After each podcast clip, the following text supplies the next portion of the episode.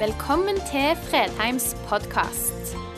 For mer informasjon og ressurser, besøk oss på fredheimarena.no, eller finn oss på Facebook.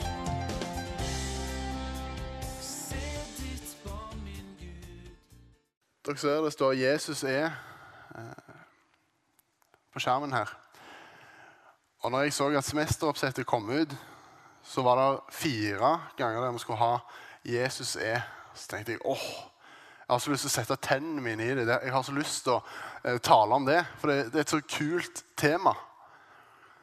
Og så står det 'Jesus er', og så er det bare så ekstremt stort.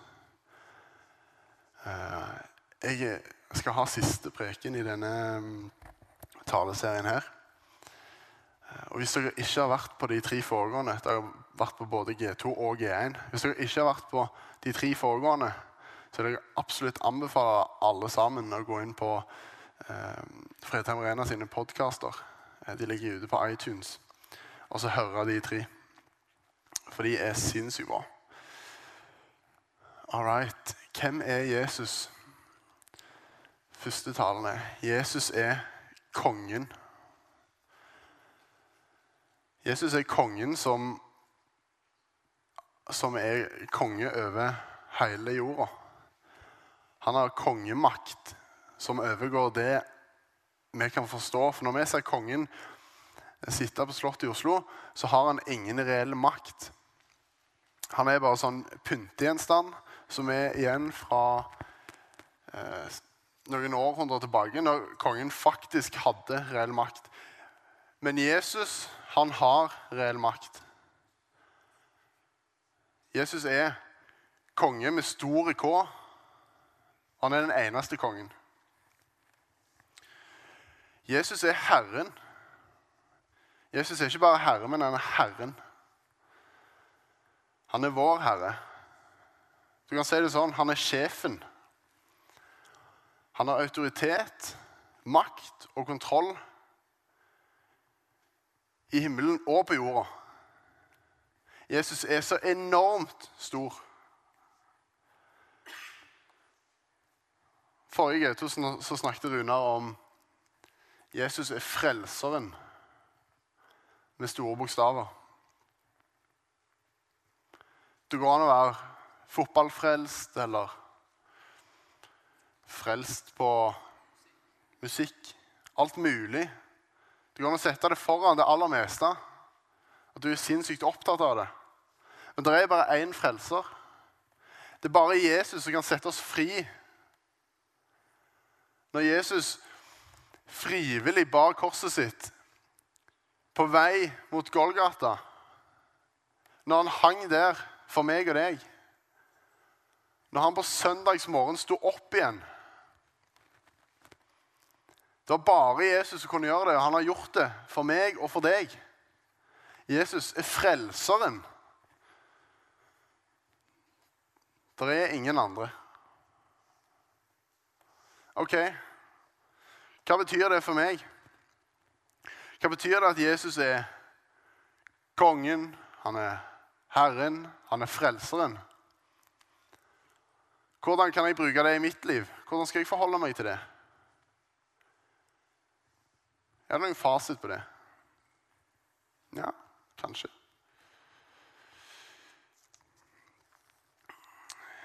I Matteus 4 så står det En gang Jesus gikk langs Galileasjøen, fikk han se to brødre.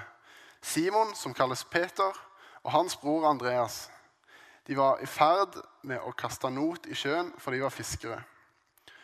Han sa til dem, 'Kom, følg meg, og jeg vil gjøre dere til menneskefiskere.' Kom, følg meg, og jeg vil gjøre dere til menneskefiskere. Straks lot de garnet ligge og fulgte han. Når han gikk videre, fikk han se to andre brødre. Jakob, sønn av Sebedeus, og broren Johannes. De satt i båten sammen med sin far Sebedeus og bøtte garn. Han kalte de, og straks lot de eh, båten og faren forlot de båten og faren og fulgte han. Fytti. Skulle ønske jeg kunne gjøre det. Jesus kaller meg. Snakkes. Sayonara. Nå skal jeg gå etter han her. Uansett hva han gjør, så skal jeg bare følge han. Å ja. Du vil, ha, du vil, at jeg skal legge fra meg Du vil ikke at jeg skal ha noe hus? Nei, det er greit. Jeg trenger ikke hus. Jeg bare kan følge deg. Kan dere se for dere det? Når fiske var eneste måten Det var eneste du kjente til, egentlig. Eneste du kan som gjør at du kan tjene penger. I dag kan du gå på Nav, og så får du penger hvis du ikke kommer deg i jobb. Får du sparken, så får du penger. Tilbake da Hvis du f.eks. mista et bein da, og ikke kunne fiske Du var helt lost. Det var ingenting du kunne gjøre. Og så tar de frivillig og sier Ja, snakkes, pappa. Jeg går og følger han her mannen. Jeg aner ikke hva han er, men jeg blir med han. Han kalte meg. Så vil jeg si det til dere. Du sitter her i dag, og jeg står her oppe i dag fordi Jesus har kalt meg, og Jesus har kalt dere. Du har kanskje vært her 100 ganger før. For det er lenge siden Jesus kalte deg. Men han er der ennå. Det er kanskje din første gang i dag. Du vet kanskje ikke engang om du er en kristen. Du vet kanskje ikke helt om du tror på dette her. Men så er det noe i deg som sier at det, jo, bare gå. Bare gjør det. Det er Jesus som kaller deg. Hvis det er noen her inne i dag som ikke kjenner Jesus, så vil jeg si dette til dere. Han kommer til å stå og banke på hjertet ditt og tålmodig vente på at du åpner opp. Om det så er hele livet ditt, så kommer Jesus til å stå og banke på hjertet ditt helt til du åpner opp. For Jesus har kalt deg. og Han kommer aldri til deg opp. Jesus er disippelgjører. Et litt kjipt tema. Jeg hadde egentlig lyst til å kalle, si at Jesus er rabbi eller læremester. For de er, det er litt mer catchy, kanskje. Men Jesus er en disippelgjører. Hvordan ser vi dette? Ja, Alle vet han hadde tolv disipler. De fleste vet De aller færreste av oss, og det inkluderer ikke meg, vet hva alle tolv heter. Men så Hva er en disippel? Ja, vi må jo nesten prøve å definere hva en disippel egentlig er. Burde vi ikke det? Hvordan skal vi ellers forstå hva vi er? Det greske ordet er mathetes. Og Det kan oversettes på tre måter. Disippel, elev eller lærling.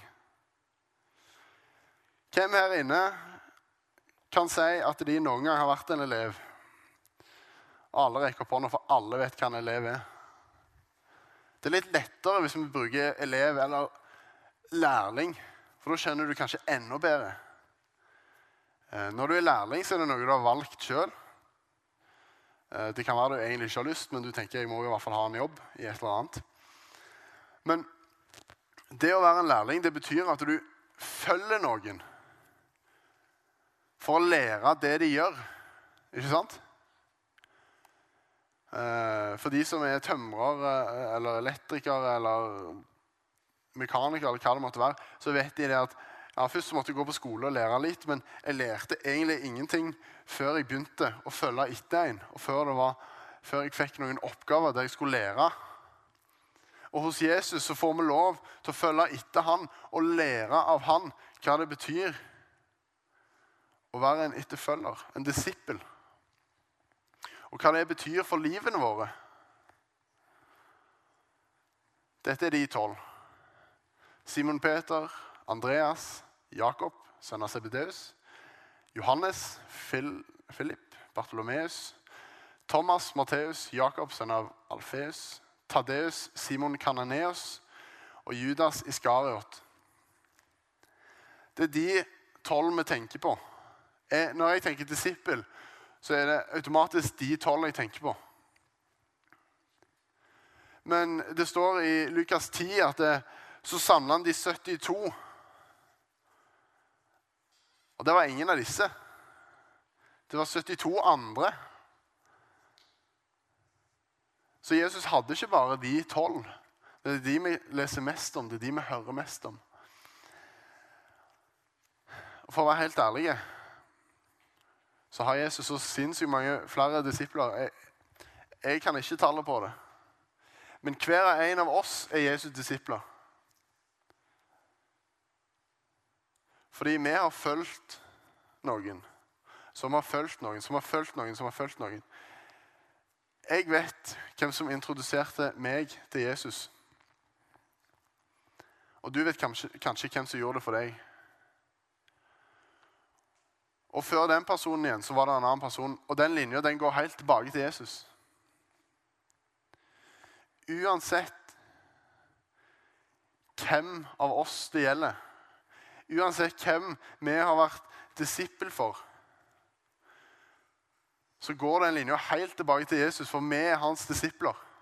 Han disippelgjør den dag i dag like mye som han gjorde når han gikk på jorda.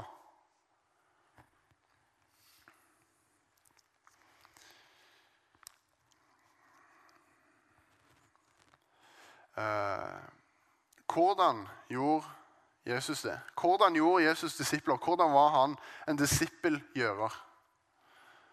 Først og fremst så levde Jesus. Eh, Fredheim har, eh, eller Lovsangsteamet har et eh, album som de ga ut for noen år tilbake. Der en av tekstene går at alle dør, men ikke alle lever. Og Det spiller på at vi har først liv når vi kommer til Jesus. Men la oss ta det litt lenger, da. Hvis vi ikke lever et skikkelig liv, et liv i etterfølgelse av Jesus, så kan ikke vi heller gjøre disipler. Og det handler om at vi i hverdagen søker Jesus. Det handler om at det går utover søndagen. Vi kan ikke bare gå på gudstjeneste på søndagen og forvente at det er livet vi lever med Jesus. Vi er nødt til å ha et fokus og vi er nødt til å ha et hjerte som peker på Jesus i hverdagen. Når du er på jobb, er alle kristne rundt deg. For de aller, aller, aller fleste av oss Nei, det er ikke det. Det er litt vanskelig for oss å bruke natt og dag med folka rundt oss. Det er litt vanskelig å alltid uh, å skulle vise mirakler vi gjør, for de fleste av oss de, vi er ikke i stand til det. Men jeg tror alle har kjent på det å, uh, at vi gjerne skulle delt livet med noen. Og jeg tror vi har muligheten til å gjøre det med de som er rundt oss. Vi kan speile Jesus på den måten at når vi er på butikken, så er du en ambassadør for Jesus. Når du kjører bil, når du treffer noen på gata, når du sitter på bussen, når du er på skolen, når du er på jobb, så er du en Jesus-ambassadør. Du er ikke en Jesus-ambassadør her inne. Det er ikke her den jobben skjer. Den jobben skjer der du er. Hvis du har en kollega som har det drit Er det vanskelig å gå bort til den kollegaen og si Hei, hvordan går det med deg? Ikke still spørsmålet har du det bra. For det er et spørsmål som egentlig ikke sier noen ting. Vi er nødt til å bry oss om de som er rundt oss, på samme måte som Jesus gjorde Når folk kom til Jesus med sykdommer, så sa ikke Jesus 'Har du det bra?' Nei! Når det kommer fire stykker som river opp taket på et hus og firer ned en lam mann, så spør ikke Jesus 'Har du det bra?' Han spør ikke engang 'Hvordan går det med deg?' for han vet hvordan det går. Han ligger jo der. Men Jesus ser personen. Han ser hvordan de har det. Og det er vi òg i stand til. Du trenger ikke å kunne være i stand til å utføre mirakler for å kunne være et mirakel i noen sitt liv. Mennesker lengter etter å bli sett. Det var det Jesus gjorde. Og så mye mer òg. Men hva betyr det for oss å være Jesu disipler i dag? Det handler om at vi lar denne boka her ta styring for hvordan vi lever livet. Alt det som jeg nettopp sa, det handler om hvordan vi lever livet, og hvor begynner vi? Setter vi oss sjøl i sentrum, eller setter vi Jesus i sentrum?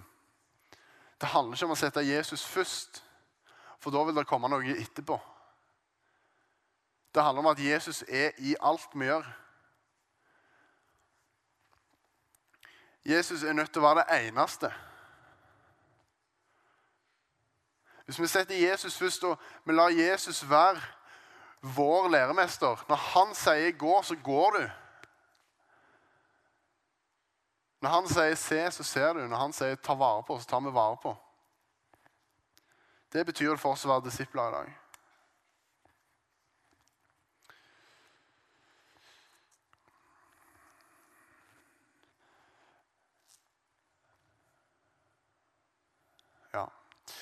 Mine kjære, har Gud elska oss slik?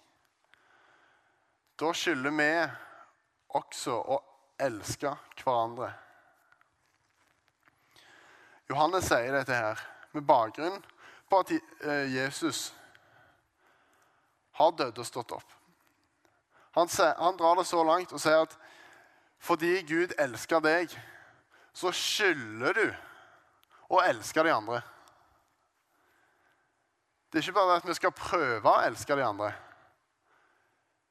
Og Det, du skal elske de neste som deg sjøl. Faktisk så skylder du det neste. Fordi det Jesus har gjort for oss, det er så stort at vi skylder å elske den som er de som er rundt oss, på samme måten som Jesus har elsket oss.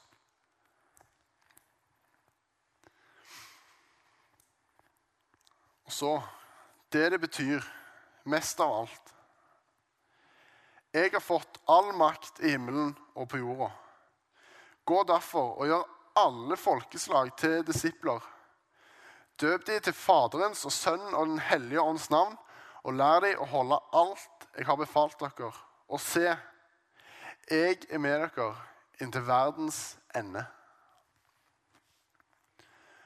Vår oppgave fordi Jesus er konge, fordi Jesus er herre, og fordi Jesus er vår frelser, og fordi Jesus er frelseren, så skylder vi å elske hverandre. Og vårt oppdrag vårt oppdrag er ikke å sitte på Jesus sjøl og tenke at vi har det godt, og vi vil ha Jesus bare for oss. Vårt oppdrag er å gi Jesus videre. Fordi så høyt han elsker oss. Og det er den største gaven du kan gi til noen, er å gi dem Jesus. Jeg kommer aldri til å glemme hvor mye det har betydd for meg å ha noen som gikk foran meg, og som gikk med meg. Jesus er disippelgjører. Ergo skal vi òg være det. Du er en disippel. Og Jesus har utrusta Hver og en av oss med forskjellige gaver. Men alle gavene kan brukes i disippelgjøring. Enten det er mot barn Kanskje du er sinnssykt flink med unger. Eller det er ungdommer. Kanskje det er de du er utrusta til nå. Voksne. Eller de som er eldre. Vi er alle utrusta med gaver. Vi er alle satt i stand til å kunne spre Guds evangelium.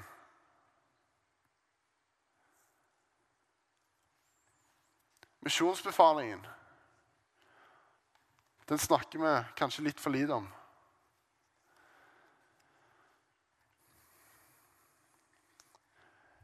Vi er satt i stand til å nå hele verden. Og før så sendte Norge hundrevis av misjonærer til Afrika og Asia. Og fortsatt så er det den tanken som ligger i bånn når vi tenker misjon. så er det ja, men eh, jeg skal reise til utlandet. Jeg skal reise til Bolivia eller Tanzania eller Mongolia eller You name it. Det er tanken. Du er nødt til å reise ut. Så det, Jeg kaller det et folkeslag. Fordi det står at vi skal nå alle folkeslag. Du kan si at Hvis Norge er et folkeslag, så er det nådd. Men innad i Norge så vokser det opp. Eh, og det er fryktelig et fryktelig fortvoksende folkeslag som dekker, hele, som dekker store deler av verden. Og de kalles unchurched. De har hørt navnet Jesus, men de aner ikke hvem han er. Kanskje vi begynner å forkynne navnet Jesus der vi er, i hverdagen. La oss begynne med de som er rundt oss. Det trenger ikke alltid å være du, skal jeg eh, lese Bibelen for deg? Skal jeg be for deg? Skal jeg fortelle deg om hvem Jesus er? Det trenger ikke å begynne der. Det beste er om det begynner på rommet ditt, i bønn. At du ber for dem. Du trenger ikke alltid å be for dem mens de hører. Du kan være mot dem den gylne regelen. Gjør mot andre sånn som du vil at de skal gjøre mot deg. Gjør det enda bedre. For vi er satt i stand. Vi har alle nådegaver som kan treffe mennesker. Den beste gaven du kan gi til noen, er evangeliet om Jesus Kristus. Jesus er kongen, Herren, Frelseren og vår læremester. Og vi får lov til å lære videre det som han har gitt oss.